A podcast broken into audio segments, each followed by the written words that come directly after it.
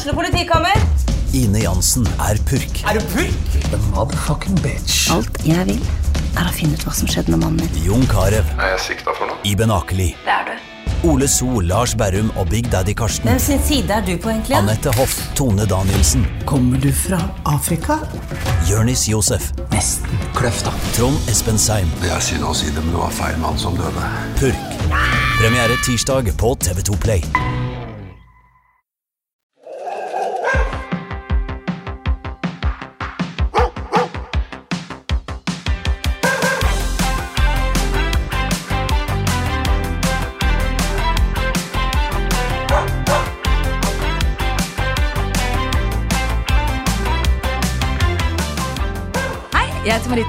Og jeg har så mange spørsmål om hvordan det er å ha hund alene at jeg sendte en melding til Hundene på Toten, for jeg trenger litt hjelp. Så da har jeg dratt fra Oslo til Gjøvik for å få svar på hvordan jeg kan få et bedre hundehold. Eh, gleder meg veldig til det. Sammen med meg har jeg med meg kameraten min Carl, for Hei. han har også en hund. Eh, skal vi sette i gang, eller dere? Ja, kan vi ikke det? Jo, vi kan jo det. Jo, velkommen. Hundene på Toten. Veldig bra intro der, Marita. Takk. Det var veldig fint. Du har jo liksom tatt litt over. Det er jo du som har kalt inn. Ja, det er det. Det er det, så det var jo helt riktig at det er du som skulle starte.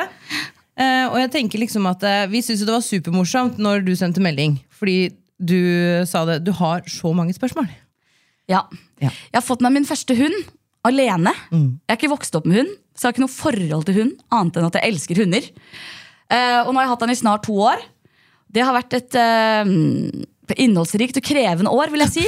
Det var godt veldig formulert. koselig, veldig gøy og veldig um, frustrerende til tider. Så da har jeg liksom opparbeida en hel sånn pool med ting jeg lurer på. Om hvordan en hund fungerer, om hund i hverdagen.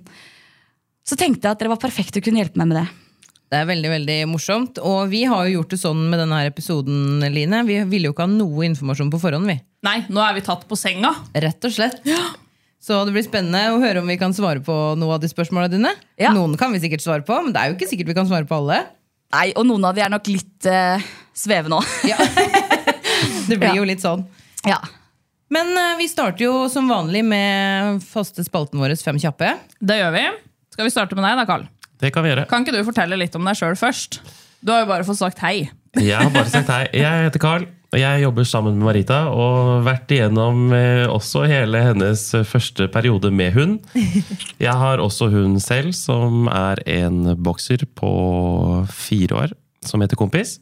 Så jeg har jo litt erfaring fra det fra tidligere, og er også veldig spent på spørsmålene til Marita. Så du er med som sånn moralsk støtte, men du er òg liksom hundeeksperten hennes? Sånn litt? Ja, til en viss grad, tenker jeg i hvert fall. Han er det Mest moralsk, dette. Mest Ja. moralsk, Litt sånn sidekick, egentlig. Ja. Jeg prøver å roe ned noen ganger med at det er en hund, og vi må bremse. ja, Vi må Sånn bremse. Men du, Line, kan vi ikke ta eh, at de svarer på fem kjappe samtidig? Ja? Jo, vi gjør det. Fem kjappe. Hund i senga eller på gulvet? Senga. Senga. Sele eller halsbånd? Halsbånd. Sele. Tispe eller hannhund? Hannhund. Hannhund. Din viktigste kommando? Nei. Nei. Det er sikkert feil. Det er min, det er min nå. Det er en av mine òg. Din favoritthunderase?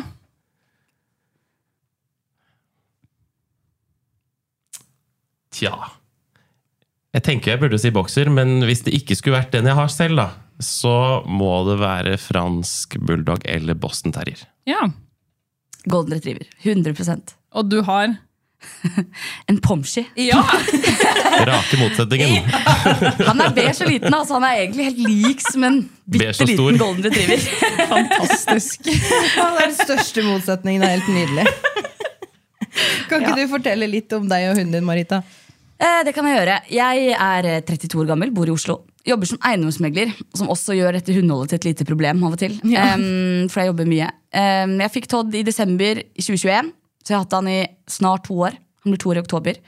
Han er en blanding av en pomeranian chihuahua, fire kilo, beige. Verdens søteste hund.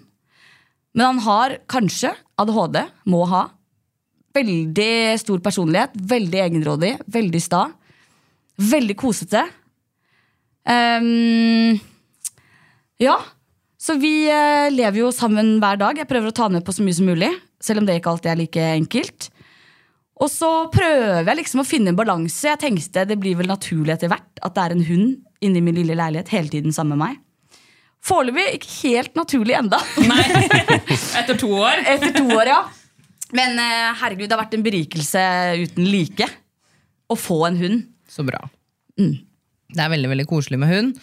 Og så er det noen ganger som det blir eh, ja, litt frustrerende, som du sier. da. Det kan være litt, eh, det kan være litt eh, berg-og-dal-bane-opplegg å ha en hund, rett og slett. Ja, det er Og Todd Man sier jo kanskje at de minste rasene har størst personlighet. Ja, det Og det tror jeg man har rett i, i hvert fall når det gjelder Todd. Så egentlig fra dag én så har jeg har liksom blitt fortalt at det er jeg som skal være flokklederen, og det er jeg som bestemmer og sånn. Hos oss er det ikke fri oppdragelse, men det er ikke så veldig langt unna. så jeg begynte veldig sånn hardt inn med valpekurs og vært hos atferdstrenere og lest alle mulige bøker, hørt på alle mulige podkaster for å liksom forstå mest mulig av hvordan en hund fungerer. Um, og så har jeg lært veldig mye, og så er det et par ting jeg fortsatt liksom ikke helt klarer å finne ut av. Um, men han har jo uh, fått veldig mye oppmerksomhet fra han ble født. Veldig mye oppmerksomhet. Eh, og det bærer han veldig preg av. Så det kan man si, Noen ting er sånn brukerfeil.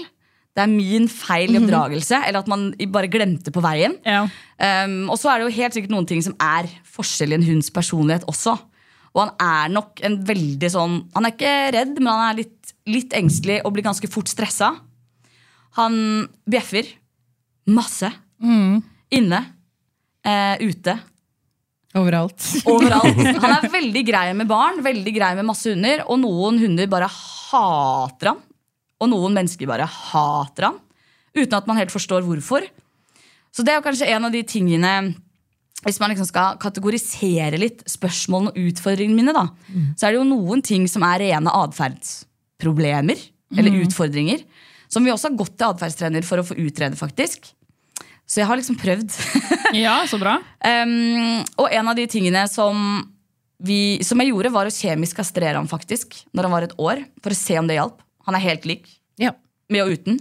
Så da gjør vi ikke det på nytt igjen. Um, men en av de problemene som har vært vanskeligst, er den utageringen. Hvor han får helt rullegardin. Ja. Uh, på um, Aldri på barn, men på alle store svarte hunder. På en del menneskers sko. Og han kan gjøre 20 passeringer topp, og så er det én, og da er det full fistel. Um, det kan være når vi går tur der han er kjempetrygg. Går vi tur der han ikke er trygg, bjeffer ikke på noen. Nei. Veldig rart. Men det er Nei. akkurat som at dette er mitt territorium. Her er det jeg som bestemmer. Her kan jeg kjefte på hvem som helst. Og så lenge vi liksom er én mil unna det, så er han en helt annen hund. Det hører vi ganske ofte, faktisk. Ja. Det er litt sånn eh, Litt sånn her eh, med den, her, den tryggheten som du sier, da. At eh, jeg skal forresten eh, starte å følge opp eh, en gjeng nå med to hunder. Akkurat det samme. Ja. Akkurat det samme. Eh, og der Vi hører det mange ganger på kurs at hjemme rundt i nabolaget Det går ikke an å gå tur rundt i nabolaget, for det er så mye bjeffing, men med en gang vi er på et annet sted som man ikke er så kjent, så er det helt rolig. ja, det er rart. Ja, det er, det er litt rart, men så er det òg kanskje ikke så rart, da, fordi at eh, som du sier, at de, når de er kjent, da, så veit de, vet de litt forskjellig. De veit hva som skjer, de veit hvor de er, og sånne ting. Ja. Eh, så det er ikke så mye andre spennende ting å se på, da. Men i de nye miljøene så er det jo ganske mange andre ting å utforske først. Så det er ikke sikkert de har tid til å tenke på de Nei. andre tinga, da. Eller at de har lyst til å kjefte litt på de andre. Og så kanskje de ikke føler at det er mitt, min plass, liksom. Og så handler det også litt om sånn som chihuahuaen, for eksempel. Det er jo egentlig en uh, liten uh, vokterhund. altså Ja. det er jo, Du kan liksom nesten sammenligne litt som en liten rottweiler. Ja, den er veldig territoriell, faktisk. Ja, Veldig. Ja, det har jeg Ja, skjønt. så det er mye vokt i dem. Der har du jo mye av den bjeffinga. Og så er det jo også litt med, i tillegg, hvis den kan være litt usikker òg, så kan det jo gjerne bli mer av det. Fordi da er det sånn en liten lyd, voff, voff. Ja.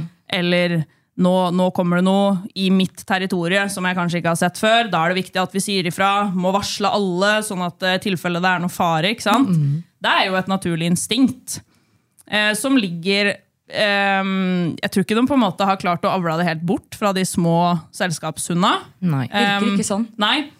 Så det er jo Det ligger veldig, veldig naturlig i de små hundene. Mm. Og en pomeranian nå er jo en, en spisshund.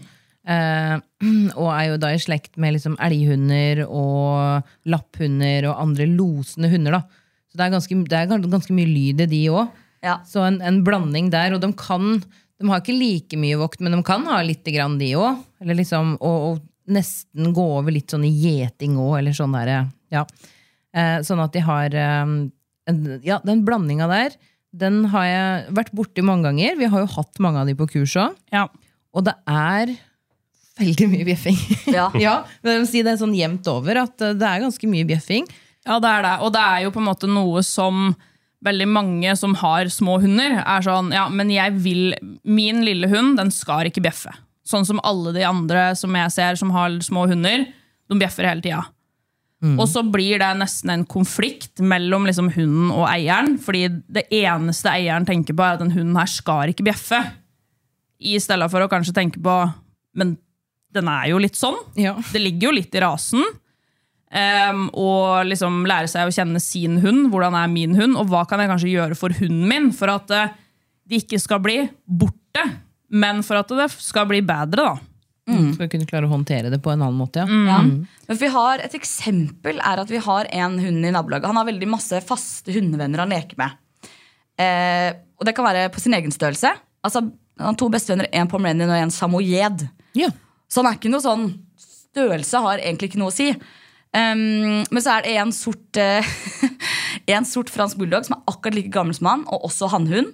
Og det er kritisk. altså Han har en intimsone på 200 meter på den hunden. altså Og det er rullegardin. Men har de møttes før? Hver dag. Hver dag, men har de hilst på hverandre og lekt sammen? Ja, En gang når de var bitte små. Ja. Det gikk ikke sånn kjempebra. Nei, nemlig. Ja, jeg, så jeg skjønner jo at det er noe foreliggende her. Ja. Men, um, men det er eh, Og da har jeg prøvd litt sånn lokke med litt godbiter. Gjort alt man har sett at man skal gjøre, bare for å få han ut av situasjonen. Men det er jo fortsatt eh, når han, Det har aldri skjedd noe galt på et, ett og et halvt år. Det skjedde aldri noe galt. Det var bare det at eh, Otto er en plugg, og Todd er bitte liten. Eh, men eh, men det, der er det helt krise. Og det kan være en del sånne Vi har kanskje tre-fire sånne hunder i nabolaget. Vi bor i et nabolag med sikkert 200 hunder da, som vi går forbi hver eneste dag. liksom Hvor han har en tre-fire stykker som bare er på mils avstand. Fullstendig eh, klikk. Og da, da er det jo også den der at du skal liksom ikke dra en hund Du skal jo ikke dra den i selen, egentlig. Men det er, du har jo til slutt ikke noe annet valg, for han bryr seg ikke om godbiter. Han bryr seg ikke om noen ting. Nei. Det er bare intens skal ta den hunden. Og jeg har tenkt, hadde Todd vært en rottweiler, så hadde vi hatt et megaproblem. Nettopp. Ja, absolutt. Altså, jeg tenker jo litt sånn, Hunder lever jo i bilder. Det er jo der vi liksom sier sånn, et minnesbilde. Hvis hunden på en måte får et dårlig minnesbilde, så er jo det noen på en måte husker. Så det her er jo egentlig en litt sånn vanskelig ting å, å svare på når vi ikke har sett det. Men eh, hvis vi tenker på om eh, Todd, var det det hun het? Ja, Ja. Todd. Hvis han da fikk et, når han var mindre, da, et litt dårlig bilde, minnesbilde av en svart liten hund, som kanskje var vanskelig å lese for, for din hund. Fordi hunder som har som en fransk bulldog, som har liksom kort hale, veldig sånn øra de står rett opp, den er veldig stiv i kroppen, så er det jo vanskelig å lese kroppsspråket. Um, så handler det jo også litt om det kanskje sitter litt igjen. Eh, men sånn som du sier, da, det her med at ok, du har prøvd med godbiter, du har prøvd å liksom avlede, det funker ikke. Uh, så til slutt så har du på en måte ikke noe annet valg enn å faktisk bare gå. Ja. Og det er det jeg tenker, som i hvert fall er det viktigste. Og ikke la han på en måte stå i situasjonen. Ikke la han liksom hoppe ut mot den andre hunden, at du gir en for langt bånd, f.eks. For eksempel. Fordi jo lenger han står i den situasjonen, jo verre blir på en måte hans følelse. Og jo flere dårlige bilder får han av den situasjonen. da. ja, ikke sant? Så jeg tenker egentlig bare Når du ser at han begynner å reagere, og du veit når du har prøvd de tinga her um, Godbiter funker ikke. Sitt funker ikke, for han hører ikke. Rullegardina er nede, som du sier. Så tenker jeg egentlig bare kort inn båndet ditt. Prøv å holde den. Vær liksom eh, Ikke så han møter hunden når du passerer, så hundene går inn, eh, liksom møter hverandre, men at du har han på utsida av- beinet ditt. Og så prøver du å holde den hver liksom kneet i litt kort bånd, og så går du egentlig bare. Prøv å tenke den situasjonen her skal bli fortest mulig ferdig for min hund, fordi den syns det er ubehagelig å stå i. Ja. Og så handler det jo veldig veldig mye om stress ikke sant? i den situasjonen her. Her har jo han bygd seg opp. Eh, hvis vi tenker på stress som en berg-og-dal-bane, da. Eh, der er han liksom på toppen. Han er, eh, han er eh, helt eh, ja, Litt sånn som på Donald. Hvis man tenker på et termometer i Donald, så sprenger det på toppen. ikke sant? Eh, og der er han. Og da veit vi jo noe om det at når han er såpass i det, han står kanskje på to bein og bjeffer mot den her hunden, ikke sant, drar i selen og når vi da prøver å snakke til han, så er det, he det er helt uh, unødvendig, fordi han hører det ikke. Det er ikke fordi han ikke vil høre det, men han får det ikke til. Nei, ikke fordi sant. han er så innmari stressa. Han trenger jo det som vi snakker veldig mye om på kurs, Vidaline, det her med avreagering. For Å bli ferdig med bli situasjonen. ferdig med situasjonen. Ja. Det er en utrolig viktig ting innafor hundehold. Som er litt sånn altfor lite snakka om, tenker jeg. Altså, det er så Jeg hører det så sjelden, da. Eh, men det er kanskje noe av det viktigste. Jeg pleier å si det til eh, mine kursdeltakere, at egentlig, når vi møter en hund, så alle hunder blir litt ivrige da. Det er litt, sånn, det er litt spennende. De blir litt interessert, ikke sant? Så burde vi egentlig snudd og gått parallelt med den hunden, eh, ganske kort bånd, ikke sånn at vi skal hilse på hverandre eller noen ting, til begge hundene er ferdig med situasjonen, og så kan vi gå videre. Fordi, sånn som Line sier, de lever i minnesbilder, så hvis det siste minnesbildet er det her ble en veldig stressende situasjon, neste gang de ser en hund, dette blir en veldig stressende situasjon, og så blir det kanskje på fem meter, og så husker de det på ti meter, og så husker de det på 20 meter, og så blir det bare lenger og lenger unna. da. Sånn at vi bygger egentlig opp det her stresset eh, ved å møte mange hvor hundene ikke blir ferdig med situasjonen. da. Da blir de liggende veldig høyt i stress hele tida. Og sånn som i Oslo, da. Der er det jo Når jeg er der med min hund, altså det er hunder overalt. Jeg er jo Her så er det sånn Hvis jeg er, er i, i byen, Gjøvik by, så ser jeg kanskje liksom en hund Å ja, der var det en ti meter borte, og så var det en borti der, 100 meter borte, og så er det ikke sikkert jeg treffer på så veldig mange flere. Mens når jeg òg går i Oslo med min hund, så er han sånn Oi, der var det en hund! Å, der var det en hund! Og da går jo stresset litt opp. Fordi han må jo se på den andre hunden. Han må se ok, utfordrer den meg om den stirrer på hunden min, f.eks. Det er jo gjerne det hunder gjør når de måler hverandre. Når det er litt sånn Halla, du. Setter liksom eh, øya i hverandre, og så går de litt rundt. Ja, skal du gjøre noe? Hæ? Høy hale, ikke sant? Og går liksom med brystkassa framme. ja, ja. Bresker seg, liksom. Og hvis hundene står for lenge i den situasjonen, det er da det på en måte smeller, da. Ja. Ja. Så hvis, eh, og der ser jeg jo på min hund nå, at hvis han møter noen, så er det jo viktig at han får liksom sett hvordan er den hunden. Og så, da går jo stresset litt opp. Ja, han er litt interessert. Det trenger jo ikke å være negativt. Men han blir litt interessert, han blir litt aktivert. Um, og så passerer vi den hunden. Det er ikke sikkert at den er helt ferdig med den situasjonen. Så da er den jo fortsatt litt Og aktivert. neste, hvis han da går rundt et hushjørne Ja. og møter en ny hund, da, så er han jo et hakk opp på stigen. Så da er det kortere vei til på en måte det som kan bli en utagering. Mm. eller knurring, eller altså en eller annen reaksjon. da. Ja.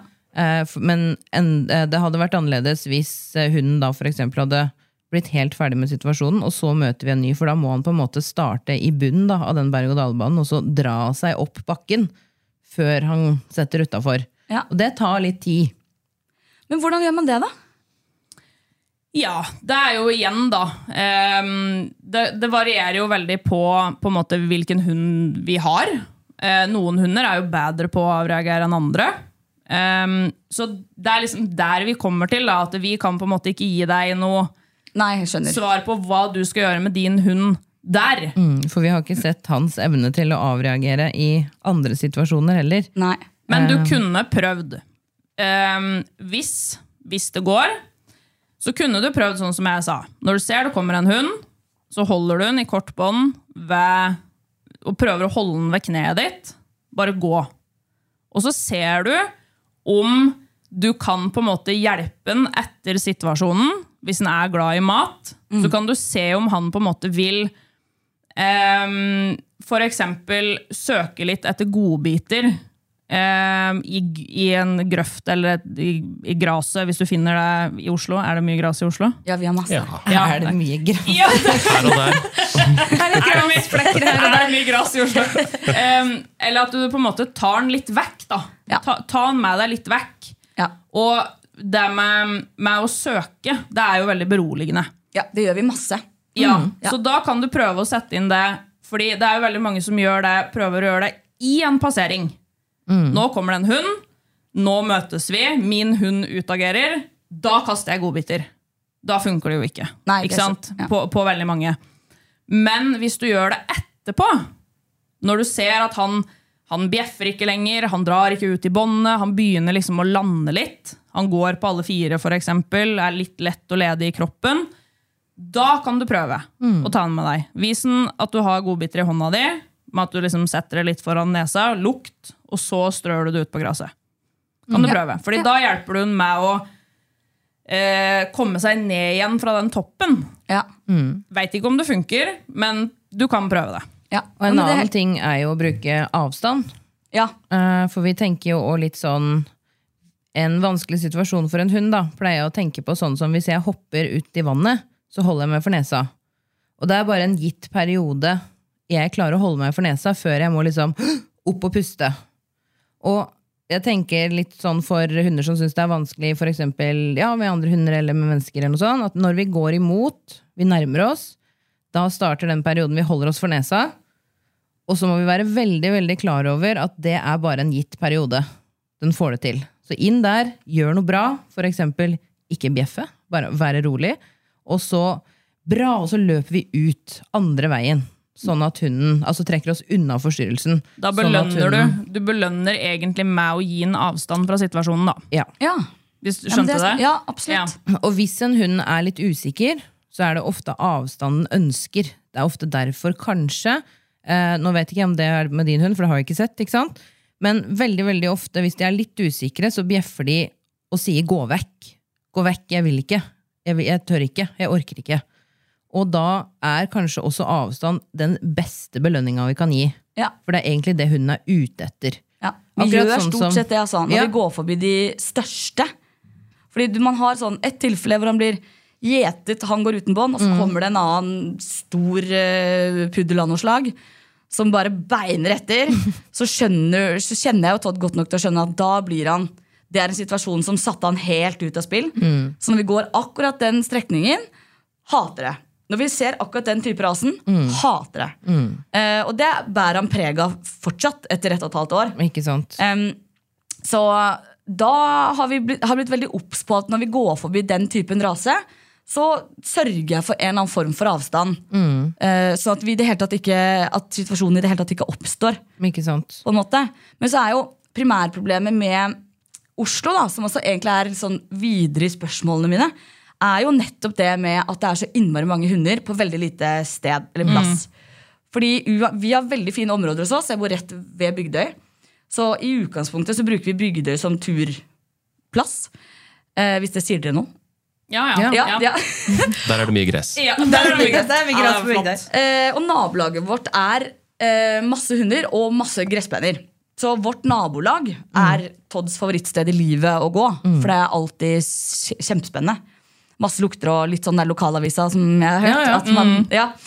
Um, så, um, så i utgangspunktet så har vi jo masse plass, men uansett hvor vi går, så møter vi alltid 1, 2, 10 eller 20 hunder. Og så um, er jeg jo liksom litt videre i spørsmålsrunden min her. da. Eh, nettopp det med stress. Fordi han er superstressa inne ofte. Det kan vi komme litt tilbake til, da, for det er litt sånn større tema. egentlig. Men, men um, jeg har noen ganger lurt på om det er nettopp fordi han har så mange av de uh, møtene ikke, Han hilser ikke på alle, men det er så mye, mye lukter, impulser, lyder, hunder. i alle slags raser og alle slags former og fasonger til enhver tid rett utenfor døren, da. Om det gjør at han er egentlig litt sånn konstant stressa. Har jeg litt inntrykk av, da. Mm. Er den verre etter at du har vært på tur? Det er veldig både òg. Fordi når vi er inne på det med tur, så er det jo en annen ting som også er veldig rart med Todd. Eh, for å dra tråden litt mot det som skjer inne, da. Det er at eh, hjemme i, Vi kan gå en time rundt hjemme, sakte tempo, snuse, godbitsøk. Kanskje leker han litt med en hundevenn. Noe sånt. Um, strålende fornøyd. Halen opp og logrer. Han er jo en hund som alltid har halen opp. Bortsett fra når vi går alle andre steder enn hjemme. Hvis vi går mot dyrebutikken, hvor han vet at vi passerer en trikk, eksempel, som vi har øvd og øvd og øvd på, men akkurat trikk får vi ikke Buss og tog er greit, trikk er ikke greit. Um, så er det halen mellom bena fra vi går den retningen, til vi kommer hjem igjen. Da er det en time med et forferdelig kroppsspråk, da. Ja. Eh, går vi til Bygdøy der, Hvordan ser han ut da, når han har et forferdelig kroppsspråk? Det er eh, halen helt ned, og han har jo krøllhale opp. Skulle ikke tro det var mulig at den halen går så langt ned. Um, og det er ørene spist bakover, Mm. strak gange. Altså du ser på hele Og han peser. Han er jo en varm hund, han har masse underhull og sånn. Men han peser i situasjoner det er overhodet ikke naturlig at han skulle liksom virkelig pese. da i. Um, så du ser jo at hele han plages skikkelig av det. Og det er litt for mange situasjoner uh, hvor vi opplever det, som jeg syns er veldig rart. Fordi jeg tenkte det enkleste og hyggeligste med en hund er jo å gå tur. For en hund vil jo alltid gå tur. Tenkte jeg. Uh, og han er jo proppfull av energi. Og han er en veldig sprek liten type. Så, så når vi er hjemme, som sagt, så, så kan han løpe og leke med sheltere og samoyeder i en time. Så han har masse energi i seg. Men så fort vi går til f.eks. Bygdøy, som er en tur med både ja, primært skog, da, egentlig. Litt sånn langs sjøen, men primært skog. Um, så er det halen mellom bena, selv om vi har gått den runden altså 200 ganger. Så er det det samme kroppsspråket. Og det er ikke bare Bygdøy, men det er all form for eh, Nytt miljø. Eller, måte. ja, egentlig nytt miljø. Jeg, jeg har tatt av med på alle mulige fjell, alle mulige hytter, alt for å liksom se hva slags type miljø han egentlig trives best i. Og det er klart, når vi er på Trysil, så har han ikke noe annet valg enn å gå turer på Trysil. Nei. Så han gjør det. Men han fortsatt, uh, har han fortsatt det kroppsspråket da?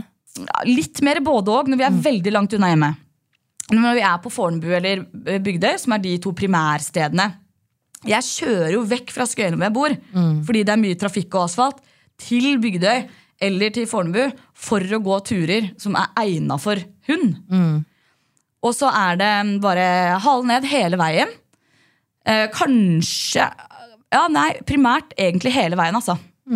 Og han snuser ikke, lukter ikke, er ikke nysgjerrig. Han får med seg hver eneste fugl som piper. Så ser han går helt sånn febrilsk, liksom, og bare Her skjer det alt. Complete overload, virker det som. Veldig god beskrivelse.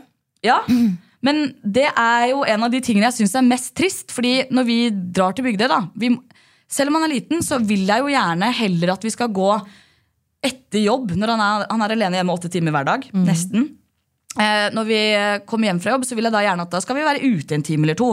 Ja, og det er ikke at vi skal løpe, Han skal ikke liksom slite seg i hjel, men han er jo en hund. Men gjør, du, gjør dere noe Sånn som når du snakker nå, da. Så hører jeg bare ok, vi skal gå, og så skal vi gå. Og så leker han litt med noen hundevenner, og så søker han litt etter mat. Men det som er, vi går aldri bare for å gå. For han hater å gå for å gå. Ja, Men da tenker jeg sånn, kunne du gjort noe annet? For og vi har prøvd, vi har tatt med leker. Ja. Vi har godbitsøk. Vi leker litt på vei, kobler av litt med å gjøre litt triks, for Bra. det syns han er gøy. Så bra. Eh, han er veldig god på sånne ting, ja. Ja. Um, Men liker han å leke? ja, det er inne. Han kunne lekt 24 timer i døgnet inne. Men, ja, men aleine eller sammen med Nei, deg? nei. Ah, spørs litt på leken, men primært sammen med meg, ja. Ja. Ja. Fordi der vil jeg på en måte Sånn som eh, Der jeg tenker litt da på å eh, Når vi snakker om å liksom nøytralisere hunden litt i miljøet. Fordi der han er kjent, der er han halen opp. Der han er, der han er ukjent, der går han rundt og bare Å, hva er det som skjer? Det er litt ubehagelig. Så med å leke, da, sammen med deg, så skaper jo det veldig fi, et veldig godt samarbeid. En trygghet for han. Fordi vi veit jo ikke hva han liksom tenker på når han er ute og går. Tenker han egentlig på at han går sammen med deg, eller henger du bare bakerst i båndet? Når han, er, når han syns det er ubehagelig da, på de stedene som er ukjent, føler han egentlig at han er litt aleine i verden. Og det er det, bare for å skyte inn det, da, for det som er enda rarere enn at han har halen mellom bena, er at han går bak meg. Ja, ikke sant? Han går, og det er også Jeg bruker 70 av alle turene våre på å si Kom igjen da, Todd. Kom igjen, da. Ja. Kom igjen da. For han går en halv kilometer i timen, en meter bak meg i bånn. Tar han mat da? Nei, av og til. Og det er sånn, vi, jeg kan ta med, Han har to favorittleker, som er en gul tennisball, som han synes er gøy å løpe etter, og en sånn rosa bamse, som alle som kjenner meg, ler av nå. For det er, den er med overalt. Lille Ja. rosa. Um, og noen ganger så syns han ikke det er gøy engang. Han kan, synes, han kan løpe etter den ballen én gang, og så legger han seg heller ned eller setter seg ned. eller Altså null liksom begeistring. Og jeg føler virkelig at vi har prøvd alt som er gøy. Vi, vi kan også gå med den ene vennen hans som han er liksom helt trygg og avslappa med. da Og han er avslappa med inne og avslappa med ute. og sånn eh, Det syns han er ett hakk mer spennende. Vi gikk med kompis hunden til Carl. Da, og kompis er jo helt motsatt, så han løper jo to meter foran med Carl bak i båndet. Og så går Todd to meter bak meg. Det kan jo være en kombo at han kanskje syns kompis er litt stor og voldsom. Em, men det er fortsatt eh, en veldig rar greie. Det at det, så my det, det ødelegger jo på en måte litt gleden. Selv om jeg vet at det handler mye om at det skal være gøy for han, det skal være gøy for meg, det er samspill og å gå på tur. Så um, er det jo banalt at jeg skal gå så mye. Kom igjen, da! kom igjen da Og det er ikke fordi han ikke får lukte eller stoppe eller tisse. Eller, altså det, det er ikke det det handler om. liksom Men eh, leker, leker dere ute i hagen? Syns han det er gøy å leke med, sammen med deg da? Når vi leker ute på fellesarealene, liksom, der hvor vi bor, der hvor han er trygg, gøy. Ja. Da vil jeg at du skal prøve. Det her er òg igjen litt sånn eh, bare en tanke jeg har. Em, da skal du, hvis du prøver nå å legge inn at du leker med han eh, minst én gang om dagen, og da skal du leke sammen med han. Du skal ikke liksom bare sitte på en stol og la han løpe rundt og tulle aleine. Dere skal leke sammen. Em, hvis du gjør det én gang om dagen, minst uh, Ikke tenk så mye at du trenger å gå tur, men ta han med deg ut i det der han vil leke. Start om dere leker inne på et kjent sted, og så tar du med deg det ut på et kjent sted. Og så prøver du, og hvis det her blir en liten sånn vane for han, jo mer han får leke sammen med deg, um, jo morsommere syns jo han det er. Ja. Det med lek og det skaper mye mestringsfølelse hos en hund. Og ikke minst samarbeid og relasjon til deg. Um, så hvis du prøver å leke At du leker deg liksom litt ut fra den trygghetssona hans, Ja. og så tar du med deg det da litt ut. Men kanskje ikke at du da må reise Ok, nå har vi lekt masse på der han er kjent, og så reiser vi da på et helt ukjent sted. Det blir litt for vanskelig. Du må liksom jobbe deg litt i ukjente, kjente miljøer. Ja. Skjønner du hva jeg mener? Ja. Før du tar det med deg ut. Ja. Det har jeg lyst til at du skal prøve. ja. Fordi det kan det, det har jeg gjort med, med min hund. Og det, det er egentlig bare for å på en måte nøytralisere den mer i miljø. da. Ja. At vi liksom stopper å leke litt, og så tar han liksom litt med seg det. Nå har vi lekt, det var kult, føler meg trygg. Ikke sant? Trygg sammen med deg. Ja. Ja, for jeg har tenkt liksom sånn, er han um, Du føler nesten at det er dyreplageri. Mm. Så jeg har tenkt å kjøre halve Oslo rundt for å gå en times tur med en hund som har det helt forferdelig. Mm. Det kan da ikke være meningen. Samtidig da, så er jo primærproblemet med dette er jo også det at eh, helt uavhengig av om vi går en halvtime ute i de kjente områdene og han lukter og bare koser seg, det er sakte gange, eller om vi går den timen, så har han, har han like mye energi når vi kommer inn igjen. Og det er ikke, så vi leker jo også mye inne. Og vi leker en del ute der hvor han er kjent òg. Jeg har prøvd å leke på vei. liksom. Vi kan gå fra Skøyen til Bygdøy, åpenbart. Så prøvd å leke på veien også. Funker noen ganger. Det kommer litt an på dagsformen hans eh, faktisk også, da. Mm. Men prøver å unngå de, å gå forbi akkurat de stedene der hvor han hadde en, Han har liksom hatt to kjedelige opplevelser. Og det ene er den ene hvor den store Mm. eh, svarte pullen kommer og gjeter han. Som selvfølgelig er veien til dit, da. Mm. Men prøv da, tenk, prøv da å tenke istedenfor at du leker med en inne. Prøv å da heller lære en hvor, hvor den skal bruke energien sin. Så Ja, gjør det til til en vane fra nå Ja. at du leker ute. Ja. Inne skal den være rolig. Ute, det er da det er gøy. Og så kan du tenke litt på det der eh, hoppe i vannet, holde for nesa-prinsippet òg. Hvis den, det stedet hvor den hunden kom, er ganske nærme der du bor, eller nærme et sted han føler seg trygg, leke, leke, leke der han føler seg trygg, holde for nesa, gå med ganske kort bånd, sånn som Linn sa i stad, sant? ganske kort bånd i selen, gå dit, snu, gå tilbake, leke, leke, leke der han er trygg. ja. For eksempel. Ja. For å på en måte Her føler jeg meg trygg, dette er fint, og så går vi hit. Jeg er ikke Vi bare er her, jeg er trygg, vi går framover. Du har kort bånd, du må nesten bare være med. Eh, og ikke gi inn så mye oppmerksomhet der, men når du da kommer tilbake, så bare wow, wow leke, leke, leke, leke, leke. Sånn at han kan klare å slippe det, kanskje, eller altså at han kan få noen andre assosiasjoner da, til hva som skjer etter at han har vært Ja. der. ja. For Det kan vi få eksempel. til. Det går an å teste ut det. Ja. Det funker for noen hunder, eh, og aner jo ikke om det funker for din, men, men det går an å teste ut det. Ja, han er veldig lærevillig. Så han er Og så er han relativt, tro, hadde jeg trodd, i hvert fall, god på å avreagere. Men så er det jo, som også Carl har vært vitne til mange ganger, da sånn ref det med, med turgåing. Jeg bruker jo da veldig mye av ettermiddagen på å gå turer, fordi han egentlig ikke helt vil gå. så det blir sånn litt kortere, men fler. Men i hvilke situasjoner, når du sier at du har tenkt han er god på å avreagere, i hvilke situasjoner er han det? Ja, for han er blid og fornøyd igjen så fort situasjonen er over. Ja. så han han ser jo ikke stressa ut. men ikke i løpet av den timen du går da i et miljø, når han går ned med halen. Nei, Da er han ikke god på å avreagere, nei. For da er han jo i situasjonen. Ja, ikke sant? Så jeg har tenkt at etter Sånn som når vi møter den hunden hjemme, som han er veldig synd på da, mm, Så fort den er borte, så er han helt happy go lucky igjen.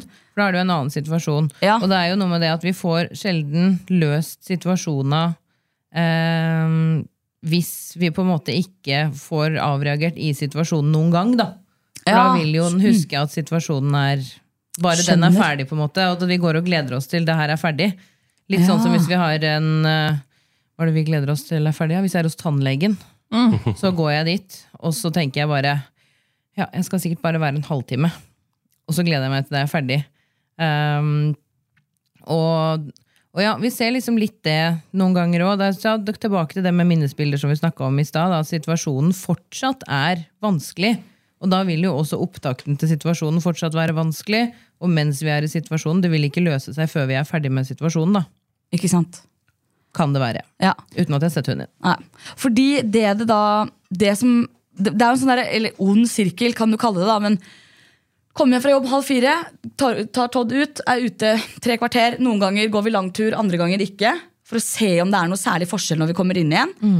Um, får mat når vi kommer inn igjen, og så er det altså et kjør. Da skal du leke etter du kommer hjem fra jobb. Ja, og så har jeg prøvd, Da fjerner vi lekene, så han har ikke noen leker. Men da kan han stå på gulvet og bjeffe og pipe. Og han er jo veldig sånn eh, Han er ekstremt kontaktsøkende. Han er jo en enmannshund. Superbortskjemt enebarn med én eier som gir all, all oppmerksomhet i verden. Og det har han fått fra dag én. Så han, på en eller annen måte så skjønner jeg jo at han har blitt sånn. Men ehm, det er ikke Han hviler ikke et sekund fra jeg kommer hjem fra jobb halv fire til vi legger oss. Så nå har vi begynt å legge oss halv ni-ni, da. For da orker jeg på en måte Vi? ikke Ja, vi legger oss likt i sengen, da. Ja, jeg skjønner, jeg skjønner. Ja. ja, ja. Men jeg lurer litt på Carl, hvordan er det du eh, Hva tenker du? Hva, hva tenker du? Hvordan, hvordan liksom Hvordan er Todd og i forhold til din hund? Hva, hva liksom Nei, det er det jeg kanskje syns har vært den største forskjellen, er vel at jeg har kjent meg igjen i veldig lite av det Marita har snakka om. Så det er jo nesten så jeg ikke har trodd på det, Ja. på mange måter. Fordi når vi kommer hjem, så da er det å slå en bryter. Kompiser er veldig mye ute på tur. Masse energi, vi hilser på hunder og løper og leker og alt mulig. Men med en gang vi kommer inn, så er det helt stille. Og så har jeg snakka litt med Marita, da, som da sier at det går i ett fra man kommer inn til man legger seg. Og jeg vet jo at de legger dere legger dere halv ni. Det er liksom Jeg som å få et spedbarn. Men han sovner når han Jeg blir lagt i senga. Dere legger dere Ja, men han sovner Når vi legger oss i senga, da sovner han. Så det er sånn, ah, da kan jeg i hvert fall scrolle litt eller svare på noen meldinger. eller sånn Fordi hvis jeg gjør det på en måte i perioden imellom der, da er det den der lille labben å dra hånda og, Fordi han er så liten, han står, han står oppå hodet mitt, liksom. Og kom Men hva har kom du igjen! gjort, Carl, for å ikke få det sånn? Vi har alltid vært kanskje gode på det at når du kommer inn, så er det rolig. At da er det liksom rotid. Eh, kanskje ikke så mye lek innendørs. Eh, veldig lite lek innendørs, egentlig. Og, men det kan jo også sies at kompis er en stor hund. Han veier 35 Ja, ja. kilo, så det er, hvis du skal ha han eh, basende rundt hele tida Basen rundt i leiligheta, liksom. Ja. det, det er vanskelig. Men eh, det har nok vært mye ro, og inne er et rolig område. Men har du lært den noe for å hjelpe ham med å være rolig? Egentlig ikke. Nei. Ikke Han har sant? vært eh, grei fra han Ja. var liten, egentlig. Men hvis han har spurt deg etter oppmerksomhet, da, for det kan det hende han har gjort. Da er det kanskje heller mer kos. Ja, Heller, ikke sånn, han er ikke så rastløs. nei. Han kan være rastløs hvis han skjønner at vi skal ut, eller et eller annet. Men han kan òg være den som sover fra ti om kvelden til tolv på formiddagen dagen etter. Og da fortsatt være litt sånn 'skal vi stå opp nå'? Så, så han er veldig rolig, og det er som sagt, det er derfor jeg kanskje ikke har nesten helt trodd på Marita når hun har sagt hvor masete han er, og litt sånn innendørs stress. Og vi har jo merka det når vi snakker på telefon, for vi snakker mye på telefon. Og, og når du til slutt bare 'nå må jeg legge på', og du hører han står og bjeffer og bjeffer og bjeffer, og bjeffer, og bjeffer rett bak. Og da tenker jeg det er jo veldig sånn kontaktsoppsøkende at han vil ha din 100% oppmerksomhet hele tiden. Hele At, tiden. og du sier jo du kan ikke se på en film, Nei, fordi nei. da står han oppå foran og bare snakker med meg. Så, Og så har han en sånn type For jeg kan også bare åh, gå vekk. Eh, Og jeg har virkelig prøvd både med sånn timeout, han er i eget rom, han er inne i bur. Jeg har prøvd alt for å få han til å forstå, og vi øver hver dag fortsatt på at han skal ligge på plassen sin, og det gjør han. Bortsett fra når jeg sitter i sofaen. Så når jeg sitter i sofaen, så er det altså det er bare no way. Så når du da Når han ligger på plassen sin, og så går du og setter deg i sofaen, hva skjer da? Rett opp. Hva gjør du da? Nei, Da reiser jeg meg opp, tar med godbit og fører han tilbake til plassen sin. Ja, Og så Og blir, og så blir han i sånn ett sekund, og så lander rumpa mi på sofaen. Og da er det rett opp. Ikke sant? Hvor mange ganger har du reist deg, da? Eh, oh, nei, altså Vi kan ha holdt på i en time og sånn. Og vi. Hvor mange ganger måtte du reise deg uh, med den uh, Hvem var det? Golden du hadde? Var det det? En liten periode? Ja. Jeg hadde vel eh, 104 Mm. på det meste. Men vi har øvd mye på det, altså, det skal sies. Men så er det liksom, For det er en kombo av um, at måten han stresser på, også på en måte er bekymringsverdig. Så har ikke jeg skjønt, eller Det jeg synes er vanskeligst er å skjønne, er det fordi det er noe som plager han, eller er det faktisk bare oppmerksomhet? Ja. For Hvis det faktisk bare er oppmerksomhet Det som er jo eh, Problemet er han er ca. åtte timer hjemme. Fire-fem dager i uka. Hvor er Da- han da, når han er aleine? I stua. Han ligger i gangen mest. Men Det er ikke sånn kjempestort område. Men veldig trygg der han, eh, der han er. Han ligger bare på stedet hvil i gangen fra jeg kommer til jeg går. egentlig Drikker litt vann. Så han gjør ikke noe ut av seg annet enn å sove. Nei. Så han kan jo være rolig inne så lenge jeg ikke er der. Um, Men da får jeg også det behovet Eller jeg, jeg tror jeg overkompenserer på ettermiddagene. Fordi jeg har, har sånn Stakkars lille du, nå har du vært alene og kjeda deg i åtte timer. Så det er jo min jobb som din hundeeier å sørge for at du får det beste ut av den tiden du er sammen med meg. Ja. Fordi du er så mye alene. jeg tror jo du lider litt for mye av dårlig samvittighet. Det høres Fordi sånn ut. Du Ja, overkompenserer fordi du syns så forferdelig synd på han når han er hjemme alene. Jeg syns ikke synd på kompisen han er hjemme alene. Nei, Ikke. Fordi jeg tenker at du har, det, du har alt du trenger i verden. Du får kjærlighet, og du har det bra. Du, du tåler de timene. Men jeg tror du har så ekstremt dårlig samvittighet at du skal overkompensere kosen og kjærligheten Ja. Men jeg har liksom tenkt, når jeg først gikk til det steg å få meg en hund, ja, da er det mitt ansvar alene å sørge for at hele hans opplevelse, og tross alt litt korte liv, blir optimalt. Men er det optimalt, da? Nei, Nei? det er jo det. Det er jo ikke optimalt for noen av oss. Nei? Fordi um, jeg over... Eller streber etter hans evige lykke. Jeg tror det er så mange som tenker sånn som du gjør. Ja, Det tror jeg. Ja. Og så er det en veldig sånn Hvis man skal si det litt sånn flåsete, da. eh, Så det er, veldig, det er veldig mye sånn misforstått kjærlighet i gåseøyer til hunder. Fordi at hunder har ikke de samme behovene som oss. Sånn rent, altså Sosialt har de jo masse behover. altså De har behov for å føle en tilhørighet, de har behov for det er flokkdyr, ikke sant? sånn som oss. Sånn at de har behov for å føle at vi er sammen, og dette er fint, og jeg stoler på deg, og du stoler på meg, og vi er kompiser, liksom.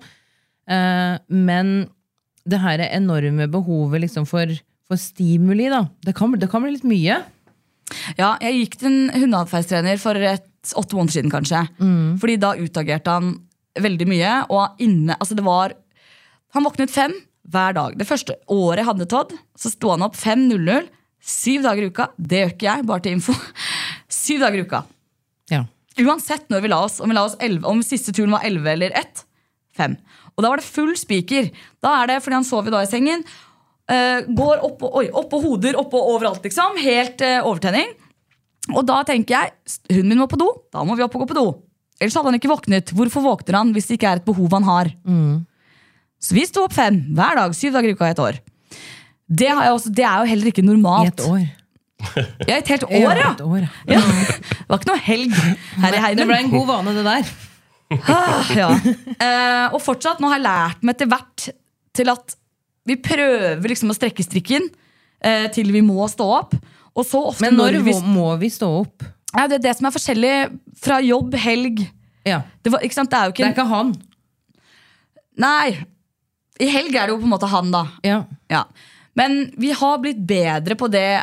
Sånn som Nå så øver jeg på at eh, når jeg våkner, så får han ligge litt til. Og så kan jeg dusje og ordne litt før han står opp. Bra. Det er fint. Fordi det ble også et problem at vi sto opp seks, og så dro jeg på jobb åtte. Så han gikk på tur seks. Så da måtte jeg egentlig være hjemme to igjen. da Det går ikke. Så da måtte jeg gå to turer før jeg drar på jobb klokken åtte. For å kunne komme hjem fire. Skjønner du hva jeg mener? Det har jo vært et lite det har, Jo, men det, det er det. Det er bra Det har oppsummert. vært Det har vært et lite helvete å holde på med det greia. Fordi alt må planlegges, da. Men hva har Hva har de ehm, Hva har de atferdsterapeutene som har hjulpet deg, hva har de uh... Overstimulert, har de sagt. Og det tror jeg ikke noe på. men, men er det det de har sagt? De har vel hjelpa deg nå? Ja, de har sagt fjern alle leker, ikke la han hilse på andre hunder. La han kjede seg, la han være alene åtte timer hver dag for å hvile og hvile og hvile og lære seg at det er det beste. Um, Men hva skal du gjøre? Altså, Hva skal du ikke, trene på? gi, bl, bry, ikke bry deg så fælt. Nei. Ta det litt lugnt. Men har de vært hjemme hos deg og hjelpa deg? Ja, jeg har hatt eh, Ja, jo, for så vidt. Men da hadde vi en annen hund som skulle lære Todd å hvile hjemme. En okay. En annen hund? Ja, vi hadde en, en, okay. ja, en golden som Som eh, er trent opp til å lære andre hunder, altså små valper, hundespråk raskere. Ok. Ja. Så i anledning alene hjemmetrening så begynte vi med at de var alene hjemme sammen. For da lærte hun han til at du skal ikke fyke rundt og bjeffe når du er alene hjemme. Du skal ligge og sove. Og det funka. Det er Ja, så ganske bra. smart. Ja. Det er den eneste formen for trening vi har hatt hjemme. Vanligvis er det jo vi som har reist ut til de forskjellige atferdstrenerne. Og så har jeg forklart eller vist videoer eller noe sånt av problemene våre. Og så har egentlig, hvis jeg har kort oppsummert, tilbakemeldingen vært ehm, Det er for mye som skjer for han. Ok, Så dere har bare snakka sammen? på Ja. en måte? Du har ikke fått noe liksom, fysisk hjelp? Nei. Nei, ok. Men konkrete tips, altså det har vært bare at du skal overse en. Ja, Overse og ikke la han leke med andre hunder, for det girer han opp masse. Ikke la han leke innover hodet. Men skulle du trene på noe? Ja, på plass, da. Ja. Ja. Men de har ikke vært med deg i plass. situasjonen? Og hjelpa Nei. deg med De har liksom ikke vært der og sett ehm, sånn, sånn her ser han ut når han er rolig, på en måte? Nei. Ok. Mm. de har vært med på en del utageringer. Du sett. Og jeg tok jo den uh, testen som han konaen tok. Ja. Ja. Psycho er jo jeg, da. Men en sånn eh, p- p- mentaltest, er det ikke det det er? ja, da? det er kjempebra. Ja, k- kanonhund, sa de. Er- Han er tipp topp. Så jeg, men det er ikke mulig, for dere har ikke sett Dere har ikke sett, dere har ikke sett de situasjonene jeg faktisk har et problem med. Mm. Fordi akkurat de triggerpunktene Eller de, det dukket ikke opp på en måte da. da Nei, ikke sant? De gjør jo ikke det. Nei Men eh, sånn, litt sånn som det du eh, fortalte i stad, med, med tanke på det med plassen, så beskrev du jo noe om hvordan du gjorde det. At du tar han med en godbit tilbake, og så sier du 'bli'. ja. Ja. Hva er kommandoen 'bli'? Hva betyr den? Nei, for, for oss så ligger han på sengen sin. Og det Mm. Hvor gjør han. lenge skal han ligge der? Nei, til jeg sier 'kom', da. Og hva tenker han på når du sier bli? Det er liksom en ting, da. Ja. Når du sier 'gå på plassen din', eller sier du 'gå på plassen din'? Eller sier du Ja, det er jo også et problem. ja, eller sier du Jeg snakker jo konstant i hundelek. Altså Når jeg snakker med min hundestemme til hunden til Carl, så blir Ja. han klin gæren. Ja. Ja. Mens Todd er vant han til at alt er wow hele tiden. Fordi Nemlig. hvis du lærer deg til, og når du er, Stakkars hund. når du er inne Når du er inne, så må du tenke rolig. Ja. Da må du tenke alt skal være rolig. Gå og legg deg. Da skal du være Du, du skal tenke på deg sjøl som et dovendyr. Du skal Ja. prøve å gå rolig, Saktere enn du pleier. og du skal snakke rolig.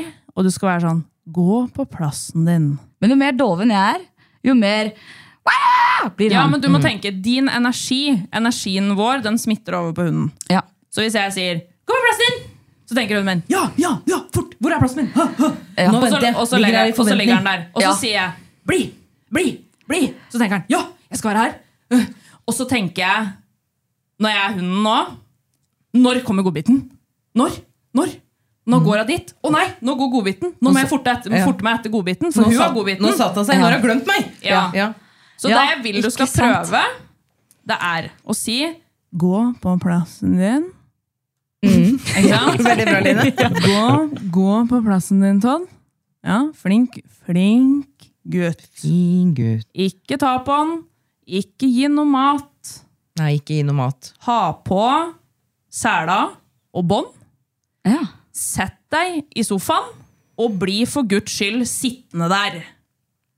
ja. Fordi hvis han reiser seg opp og går ut av senga, så skal du ha senga rett ved siden av deg når du sitter i sofaen. Ja. Og så skal du ha på bånd som en forlengelse av din arm. Ja. Så hvis han hopper opp i, seng, opp i sofaen, så tar du bare båndet, og så løfter du ned igjen i senga. Og da løfter du den i håndtaket, som han da har på seg, som Ja. ser selan. Ja. Ja. Ned i senga. Også, Ikke, ikke ta på den, ikke kos med den, Nei. ikke ingenting. motstå fristelsen til alt det der. Og det viktigste ikke si noe til den. Nei. Fordi du har bedt han om å gå og legge seg.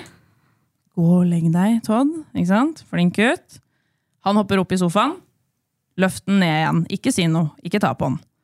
Han går en annen vei. Da holder du i båndet som er kobla til selene, og så tar du den tilbake. Mens du, alt det her skjer mens du sitter. Ja. Og så skjer det en så rolig. Det handler ikke om at du skal nappe i det båndet så han doing, tilbake til den senga. Ikke det det handler om, for det må du ikke finne på å gjøre. For det blir også stress. ikke sant? Ja. Rolig løft den tilbake. Og det er ikke noe Slipp napping, nå. ikke, Ikke noe noe kjefting, ikke noe ingenting. kjefting, nei. Det du gjør her, da, det er at du jobber med å bryte en vane. Ja. Eh, og at du hjelper den med å bare fortelle den at men du kan bare ligge her, og så kan du roe deg. Og så kan vi, jeg, sitte her, og så kan du ligge der og sove. Og så kan du sette på en film når du gjør det her. Sånn at du òg er Da får du sett på en rolig. film. Ja. Da får du sett på en film. Og så etter hvert så kan jo det flyttes til. Men det vi må lære først, er å slappe av. Uten mat, uten bræ, juhu! Ikke sant? Ikke noe sånn. Du må være rolig, det smitter over på han. Bare vis ham hvor han skal slappe av. Og så etter hvert, når han blir god på det, så kan han jo da ligge ved siden av deg i sofaen. Ja, Men vi vi må starte ett sted. Han er to år. Vi må endre en vane. Han har ganske mange bilder på hvordan hverdagen er. Så han må få mange nye bilder for at det på en måte skal endre seg. Så her må du være rolig, konsekvent, og kanskje bare sette på en film og ikke tenke så veldig mye. Fordi ut ifra hva du forteller, da Nå har jo ikke vi sett den hunden her. Um, så det er jo de tipsa du får, er jo litt sånn er er den sier? Eh, Jeg rekker opp en, Ja, eh, en sånn- pekefinger. Jeg veit ikke hvorfor jeg gjør det. Nei, jeg er litt Finger i usikker. været? Er det spytt i motvind de sier? Jeg tror ikke det. Ta det med en klype salt! Det en klype det er det de sier. Ja. Um, fordi det er jo Men det er ikke effektive tips, eller altså Ja. tips som er gen veldig generelle. da Ja, ja, ja. funker for veldig mange. Ja. Em, for for jeg, vi liker jo best å se hunden og hjelpe deg med det her i situasjonen. Så jeg kan si se på hunden din nå hvordan ser forskjellig ut. Jeg liker jo på en måte å være der fysisk. Ja, Og når hunden roer seg ned, du ser hvordan Du sier jo noe om kroppsspråk, du ser det på tur. Og det kan du se inne etter hvert òg, når du jobber med det her. For når du, Nå vet ikke jeg hvordan Todd ser ut når du legger den i senga på plass nå og sier 'bli'. Eh, så kan det hende han ser øra opp, ikke sant? og så han ligger der og bare ja, ja, Logrer. Ja, logrer, er litt, eh, er litt på. Ja. Eh, du vil at den skal være av. Ja. Vi er ute etter hvordan han ser ut når han begynner å bli av, eller når han liksom begynner å skru seg av. da. Ja. Og når du da ser det, så ser du oi, dette her det ser ut som det funker. Da må du gjøre mer av det. ikke sant? Ja. Og hvis du ser at han er fortsatt på, da må vi gjøre det litt annerledes, for det er ikke på jeg vil at du skal være. Og så er det Nei, veldig skjønner. viktig å, å få fram deg òg, litt med tanke på at eh, Carl, du har jo sagt liksom litt hvordan din hund er. Eh, og så tenker, er det jo da veldig enkelt for deg, Marita, å liksom tenke å herregud, har jeg gjort noe feil? Ikke sant? Ja. Det blir jo veldig sånn. Og hvis du òg lider av litt dårlig samvittighet, så blir jo det enda eh, verre. Men jeg, der må jeg bare si at eh, det kommer òg veldig an på hvilken hund vi har. Fordi eh, noen hunder er nesten født med en av-knapp, eh, mens andre hunder er ikke det. Sånn som min hund, den er ikke det. Absolutt ikke. Han er eh, over et år nå, og han sover Han klarer fortsatt ikke å sove utenfor buret sitt. Fordi han går rundt og varsler, og vi begynner å krangle med meg. og Det er ikke på samme måte, det ser ikke likt ut som, som det gjør på din hund, men han nå klarer ikke å skru av. Så det er litt sånn Du må òg liksom tenke på hvordan din energi Og du er jo sikkert en litt roligere type. Litt sånn, som jeg, jeg ser litt forskjell på dere her òg. Så det handler jo om um, Du er jo litt sånn lung, du er litt sånn he-he, ja, ikke sant? Det smitter jo over på hunden din. Mens Marita, du er veldig sånn aktivert. Litt sånn som meg. Ja. Så jeg og det må tenke på veldig ofte at ok, nå er jeg kanskje litt oppe, og nå er jeg litt, er jeg litt aktivert sjøl. Det smitter over på min hund med en gang. Så vi må liksom Jeg må liksom Jeg går tenker jeg liksom på at jeg kan ikke gå liksom oppreist. Jeg kan ikke gå veldig sånn strakt og autoritært. Jeg må liksom gå som en sånn dass. Så jeg, sånn, Hvis jeg går sånn her, da tenker jeg mer på hvordan jeg er når jeg er rolig. Så sånn går jeg hjemme. Ja. Så snakker jeg sånn Bra. Flink gutt. Jeg skal prøve meg på det. Ja, og så en annen ting som jeg også tenker veldig mye over, er at jeg klapper ikke min hund når han er aktivert. Nei. Så hvis han kommer sånn, med tanke på ut ifra hvordan min hund er eh, Min hund på åtte år det, hun kommer og hilser og piper, og sånne ting, men hun, det går fint. Mens eh, hannhunden min han, når, Hvis eh, jeg kommer hjem og han er sånn, kommer borti meg og hopper på meg og er veldig sånn «Åh!» Da klapper jeg ikke han. Fordi da belønner jeg jo den tilstanden. Ja. Så jeg tenker, hvis han ligger eller setter seg ved siden av meg og er rolig, øra bakover, han ser litt sånn behagelig ut i ansiktet, da klapper jeg han. Men så kommer det til hvordan klapper vi? Fordi hvis jeg klapper han sånn Nå klarer jeg ikke å vise det. Vi ser deg ikke. Men hvis jeg klapper, jeg hvis jeg klapper han sånn Å, så flink gutt du er! Ja. Sånn. Er det rolig? Nei. Nei. Det jeg gjør da, er at jeg igjen tenker på meg sjøl som en liten sånn dass. Jeg liksom Mjølsekk. Og, så, og så masserer jeg igjen. Ja. Fin gutt. Det driver jeg med mye, det òg. Men det handler om liksom når du gjør det. Så det er jo Ja. også noe du kan tenke på. da. Ja. Veldig gode poenger. Også, eh, vi, må, vi må runde av litt. Jeg har to Eh, så viktige spørsmål igjen. Ja, men det kan vi ta. Eh, Men det å tenke på, er liksom tenk Se litt eh, på hunden. Hva er det, hva er det han ønsker? Sånn Ja, men det er det. Jeg skjønner ikke. Nei. Fått mat, tur, kos, lek. Lekt med vennene sine. ja, men det er Han jo har helt leker basale inne. behov. Hva annet har han lyst på? da? Han, har lyst til, han, har jo tydelig, han har lyst til at du skal se på han hele tida, for Ja. du får ikke sett på film. Nei, han ligger på gulvet, og så prøver han å slappe av litt, og så plutselig så ser han opp på meg med det søte lille ansiktet ditt. Bare venter Ja, på at jeg skal se tilbake, og så fort jeg ser tilbake, så bare ok, gud, da kommer jeg. er vi. Men har Ja. du tenkt på om han faktisk gjør det fordi han trenger litt hjelp til å slappe av? Ja, jeg vet. Han, det er jo det han trenger. Vi var jo på hyttetur, jeg og Carl, her i sommer. Da kom vi to på formiddagen. Så han har ligget i bil to timer da, på vei til den hytteturen. Og da, fra to på dagen til to på natten, så chilla han ikke. Altså, Om det er å sove eller bare ligge. Ett minutt, altså! Fra Ja. to på dagen til to på kvelden. Fordi jeg tenker jo òg På at natt.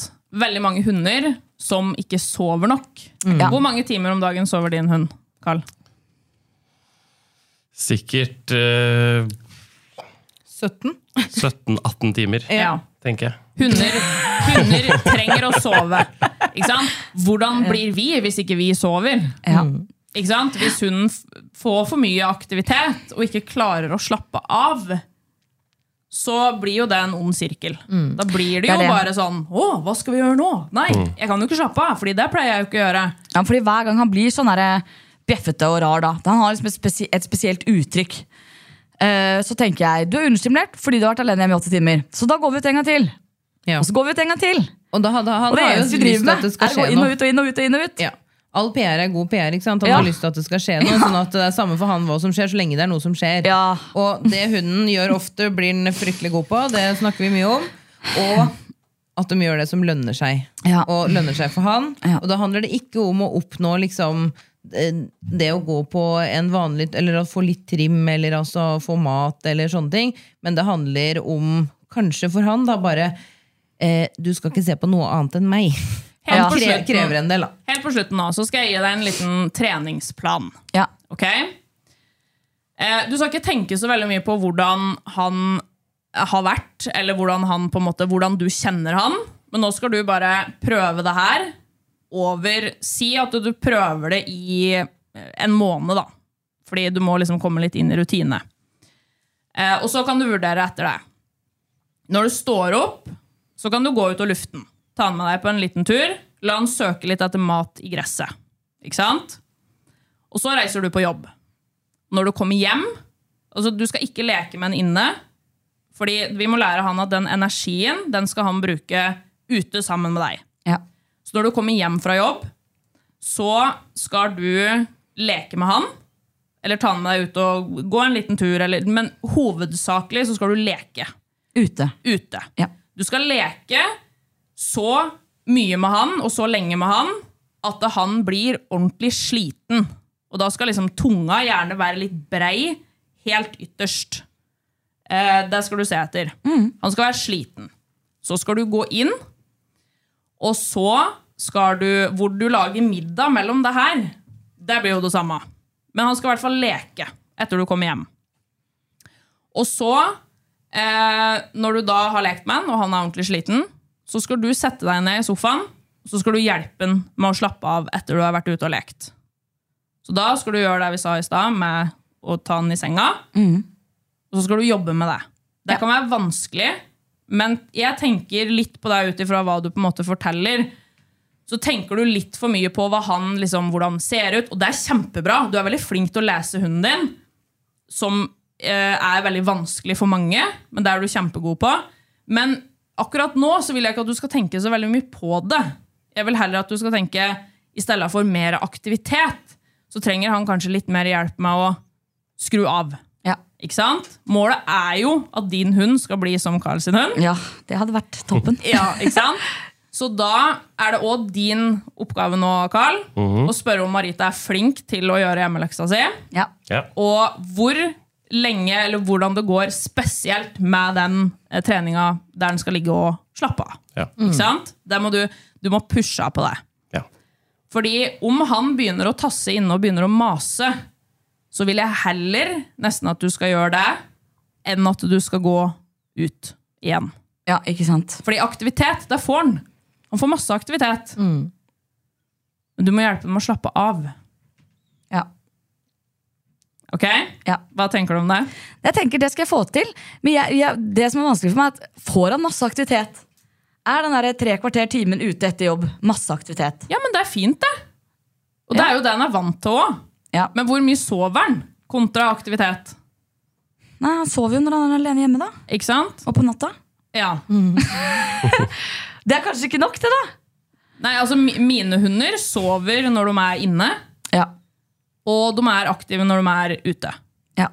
Eller aktive inne når jeg sier ifra. Ja. Så noen dager så kan jeg kanskje ikke gå på tur. Da sover de. ja. Nesten hele dagen. Ja. For det er òg viktig, at noen dager så blir vi, sj- vi blir sjuke, eller det skjer et eller annet som Du gjør kan jo at aldri eh, bli sjuk. Nei. jeg fikk korona når Todd var fire. Det skal vi aldri gjøre igjen. For å si det sånn. Nei, ikke sant? Nei. Og så er det noe med de forventninga òg, når du kommer inn døra, da, for eksempel, eh, etter at du har vært på jobb. Ja. Er det sånn der Halla, Todd! Og så skjer det masse party. Er det det da? Ja, Nei, jeg er faktisk litt rolig, altså. Du er litt rolig? Ja. Ja. Jeg tenker ganske mye på det. Det er det Ref. Carl og den telefonsamtalen. da Ja. er jo at jeg, snakker jo med veldig mye Jeg høres jo veldig engasjert og ivrig ut når jeg snakker på telefon. Eller når jeg snakker generelt. Generelt. Ja. Så det er jo Jeg tror eh, det Også fordi jeg jobber som megler, da. Så det er mye kundesamtaler, og det er mye budrunder, og det er mye sånn eh, stressamtaler, kan du si. Så, um, som jeg tror nok påvirker han litt, ja. At jeg er så overtrening, liksom. Hele jeg er jo det. Um, eh, så når jeg, det kan veldig, veldig ofte være sånn at jeg kommer hjem fra jobb, og så er jeg en sånn type samtale mens jeg driver og tar på han seler og skal ut på tur og sånn, hvor han nok blir preget av energinivået i mine telefonsamtaler, for eksempel. Det kan nok være. Men hva er det han gjør? Når du kommer? Nei, og han er slapp, ja. Det er så Han vidt han ja. gidder å reise opp. Så bra. Ja, ja. Og så er det litt sånn Hei, der var du, ja. Strekker seg litt. Får en liten kos. Så bra. Og så går han, da går han egentlig inn og finner tyggeben, og så legger han seg og begynner å tygge på tyggeben. For han har liksom ett sånn når han er alene hjemme. Eh, og så er jeg sånn Nei, nei, nå skal vi ut på do. Herregud, du har vært alene hjemme i åtte timer! Du må jo sikkert tisse. ikke sant? Så han er jo mye lugnere i det at jeg kommer hjem, ja. Ja, enn- det er kjempebra. ja. Ja da. Og så har han vokst seg til. Altså De første åtte-ni månedene var katastrofe. Da tenkte jeg dette går ikke. Så han har jo vokst av seg en del. Så er det liksom det med energinivå inne hjemme. At når jeg kommer hjem fire-fem og ut, så får jeg egentlig ikke gjort noe annet enn å forholde meg til hans mas eller turer. Um, og så har det vært det at han sto opp tidlig. Uh, men det, jeg har liksom også tenkt blir- Roer de seg ikke litt ned når de runder to? Har jeg hørt. Ja, det er jo mange som sier det. Ja. mange Men- som håper det og gleder seg til det. Men hva skal du gjøre nå istedenfor å gå tur etter du kom hjem fra jobb? Nei, Nå skal vi jo trene på alt du, alle tipsene du har gitt meg. da Ja, Vi skal du- leke nå skal ute. du leke. Ja, Da han blir sliten. Ja. Så skal du ikke leke inne. Det hender noen ganger når vi leker ute, at han syns det er gøy sånn to-tre runder, og så gir han opp. Og jeg, er sånn, jeg løper rundt med han og alle mulige slags leker og typer og lyder og greier. altså Eh, Så jeg føler jeg er en veldig engasjert eh, lekekamerat for han. Ja. Um, men det kan fort hende at han etter fem-ti minutter bare Nei, nå gidder jeg ikke mer.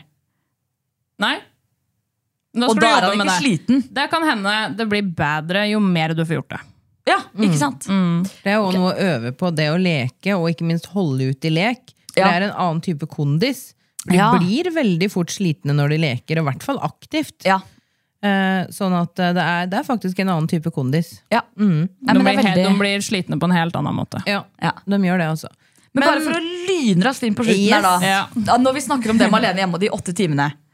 Um, fordi det virker, Han er ikke separasjonsangst. Virker ikke som han bærer noe som helst preg av det. Nei. Men mitt spørsmål, fordi jeg er alene med Todd, er at um, jeg er på jobb, og så kommer jeg hjem. Og da gjør jeg ikke noe annet uten han resten av ettermiddagen hver dag. Så hvis jeg skal gjøre noe på kvelden, så tar jeg hjemmekontor, så er jeg hjemme han på dagen. Sånn at han da kun er alene på kvelden. Veldig omtenksomt av deg. Og kliss umulig i praksis. Ja.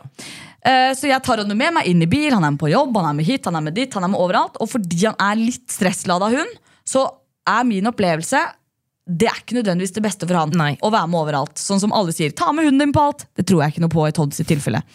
Um, så hvis jeg skal ha, handle gå ut igjen og handle middag da, å herregud, det sitter langt inne. I Oslo kan du bestille Fodora Market hjem på døra, så da gjør jeg heller det enn å gå ti minutter til butikken for å kjøpe middag, fordi Todd har jo allerede vært alene hjemme i åtte timer. Ja. Da skal du slutte med det. Slutt med den tankegangen der. Ja, men hva, Hvordan preger det Jeg føler liksom at det, Det handler om vaner. Han kan, klarer å være aleine i åtte timer. Han er kjempegod på å være aleine. Ja, han er det. Han klarer å være aleine i ti minutter når du går på butikken. Han klarer å være aleine i, 20-30. i to timer hvis du vil reise på kino. Det går helt fint. Men når han allerede har vært åtte timer alene hjemme den dagen Det går helt Han fint. trenger bare, han skal sove uansett, han, og du sier jo det. Han får jo ikke sove når han er hjemme sammen med deg. da burde du jo reise ut! Må gå mer på kino. Mer på Ja. kino, mer Da ut og spise! mer handling. Ja. Ja, ikke sant? For det Nei, har jo også preget for å, legge, for å liksom tenke sånn som situasjonen din er nå, da, mens du trener på alt det her, så er det jo faktisk litt sånn at han slapper jo bare av når du ikke er der. Ja, Og kanskje du skal gi den en timeout med det, da. ja. Eh, Med at du går ut og spiser, eller at du eh, går og handler, eller hva som helst. Ja. Fordi, som Line sier, og som du sier, altså, han er god på å være hjemme alene. Det er han trygg på. ja. Så det, du trenger ikke ha noe dårlig samvittighet, for han har det ikke vondt, han. Og hvis han hadde hatt separasjonsangst, så hadde ikke du kunnet ha vært borte i åtte timer. Nei, nei, nei. Da hadde Nei. ikke han sett sånn ut som han gjør når du kommer hjem. Nei. Nei, nei, nei. Og vi andre som eh, ikke har mulighet til å ta med hunden på jobb, da, eh, gjør jo det her. Altså hjemme i åtte timer, og så kommer hjem igjen. Hunden er ute, vi er kanskje på tur, eller altså, vi gjør et eller annet, eller leker, eller whatever. Aktivitet med unga. Aktivitet, ja, og så er det, må vi plutselig, har vi bare en halvtime igjen, fordi at det er turning, ikke sant, eller et eller annet, og da er vi borte, og hunden kan ikke være med på det. Da blir det eventuelt å sitte i bilen, men det er jo det samme, da er det bedre å kanskje være hjemme og sove. Ja, for det Veldig raskt innpå. Ikke sant? Todd elsker å ligge i bil. Han er supergod på å ligge i bil. Eh, men så har jeg også skjønt at der passer han jo på en måte på. Så jeg har jo da, hvis jeg da kommer hjem og skal ut igjen, for de som megler som er jo ofte ute på visninger eller møter, eller sånt, så lufter jeg, tar han med i bilen. Så ligger han i bilen, så jeg driver med alt mulig annet. For at da skjer det noe. På en eller annen måte. Å, Og så drar vi hjem igjen. Ja, ja, ja. Ja. Du tenker veldig mye. Altså. Ja, det, er, du må, det er Det en stor del av den treningsplanen din at du må tenke litt mindre. Men han har det bedre hjemme enn å ligge i bil og være med. Det høres sånn ut så Ja. lenge det er en hund som er trygg eh, og slapper av når den er hjemme alene. Ja. Så mener jeg helt oppriktig at den har det. Ja, For, fint. fordi det, det skjer masse Det trenger ikke å skje masse ting hele tida. Nei. Da er det bare lynraskt innpå det siste. Veldig bra. Nei, men eh, fordi ehm, eh, han, I og med at jeg da er alene, så har han en del barnevakt. Så har jeg, så han har liksom de tre faste han er hos. Aldri mer enn en helg. Eller torsdag til søndag. Hvorfor ikke? Eh, nei, det er jo fordi han er jo ikke den enkleste hunden i livet å passe på. da Så det handler egentlig ikke om meg. Det handler mer liksom om hele pakka å passe Todd. Okay. Um, Har du passa Todd, Karl? Nei. Nei. nei, men kompis og Carl er jo ikke, det er ikke Du tror ikke det er drømmen at de to er sammen alene hjemme. eller Kompis og Carl? hjemme. Nei, kompis og, Ka- kompis og Todd. At, eh, Kompis er litt for gira. Men øh, eh, Nei, så har jeg liksom lurt på det med, med masse For jeg har jo veldig mange som sier sånn 'Jeg kan ta han en helg'. Og så tenker jeg, ja, men Han har jo aldri vært så mye med deg eller vært hjemme hos deg før. Nei, ikke sant? Du tenker litt mye der òg. Ja, men det er det jeg lurer på. Er det eh, stressfaktor for han? Og plutselig bare han, altså For jeg er sånn, her er buret hans, han blir levert i bur, det er jeg som går fra han. Sånn som jeg har lært at man skal Nei, at det er han som går fra meg, så ikke han blir forlatt. Oh, ja. ja.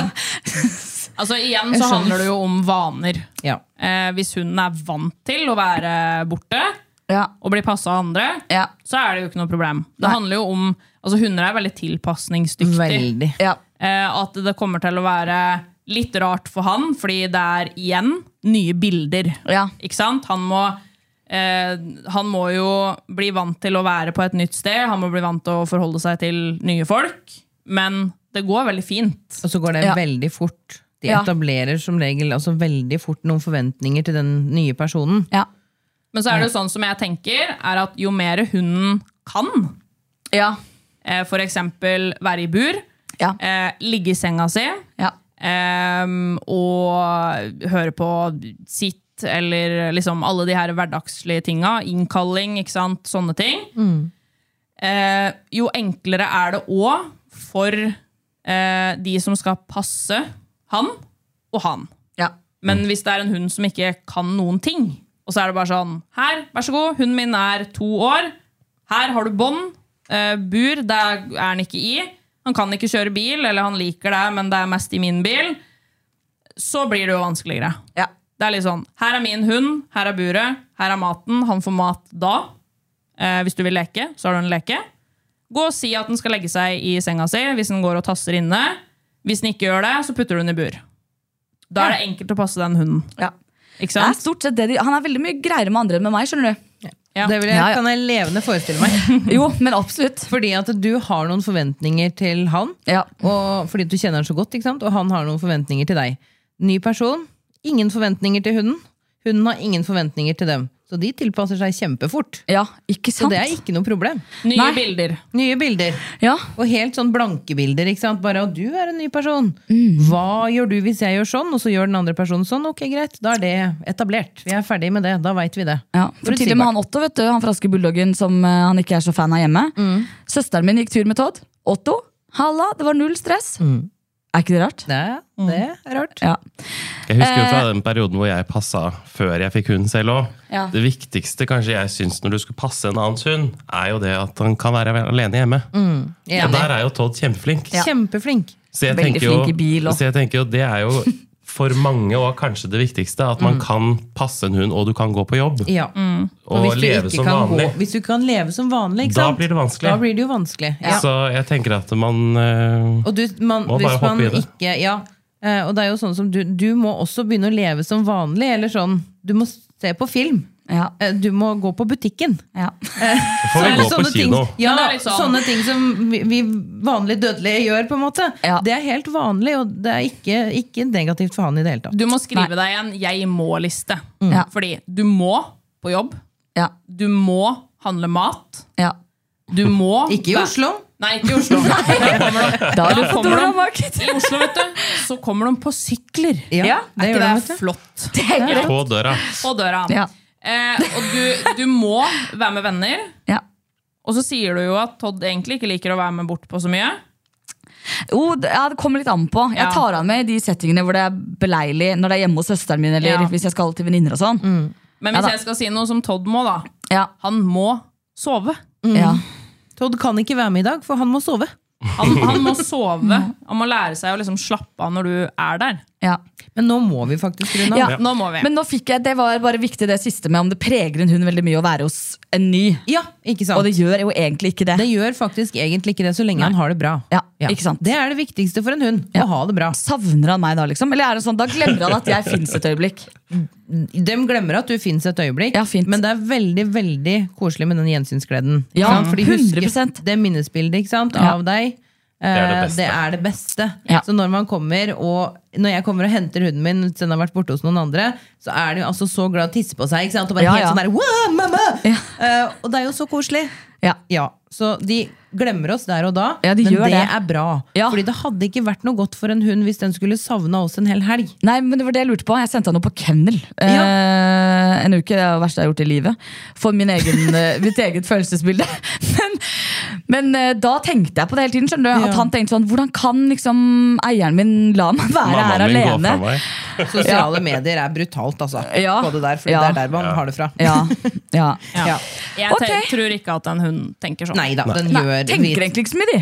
Kanskje. Nei, de gjør ikke det. Nei. Altså, De de lever i reflekterer ikke så mye. Vi reflekterer Ja. masse. Du, Marita, reflekterer utrolig mye. Burde Ja. kanskje gjort det litt mindre. Ja, ja, Men ja. Todd reflekterer ikke så, så Nei, mye, da. Det er godt å vite. Ja. Ja. Veldig bra. Men Topp. du, det her har vært eh, veldig morsomt. Kjempebra. Veldig, veldig morsomt at dere Jeg hadde lyst takker til å så komme. mye for så Takk mange for gode oss. tips og råd. Så bra. Helt topp. Helt topp. Helt Todd. Helt topp. Helt topp. Så gleder vi oss til å høre um, når du har uh, fått Ja, du må holde oss starta oppdatert. litt den nye hverdagen din. Ja, absolutt. Og Carl, du er nå utnevnt til støttespiller. Støttespiller og 100%. kinodeltaker. Og Yes. kinodeltaker. Ja. Og Veldig, si, veldig bra. Marita, du må ut og handle. Ja. Ja. Og så er det lov å si Selv. også, det er også ganske viktig, at hvis du oppdager at Marita ikke gjør dette, så er det lov å si Marita, skjerp deg. Og så kan du sende meg en melding på jeg Instagram. dere. Ja. Jeg er veldig motivert på å få det til. Altså, dere, fordi det er jo slitsomt å ha det sånn som vi har det nå. Det er jo det. Det er ikke egentlig helt levedyktig, nei. Det er ikke helt optimalt det der, nei. Nei. nei. Men det er veldig bra, fordi hvis det er noen andre som òg syns de tinga som du gjør, er vanskelig, så håper jeg de har lært litt av denne episoden her. Absolutt. Og Det er jeg. Ja, Så bra. så fint. Veldig, veldig godt å høre. Men da avslutter vi her, og så høres vi neste onsdag. Det gjør vi. Ha det! Ha det. Ha det! Det-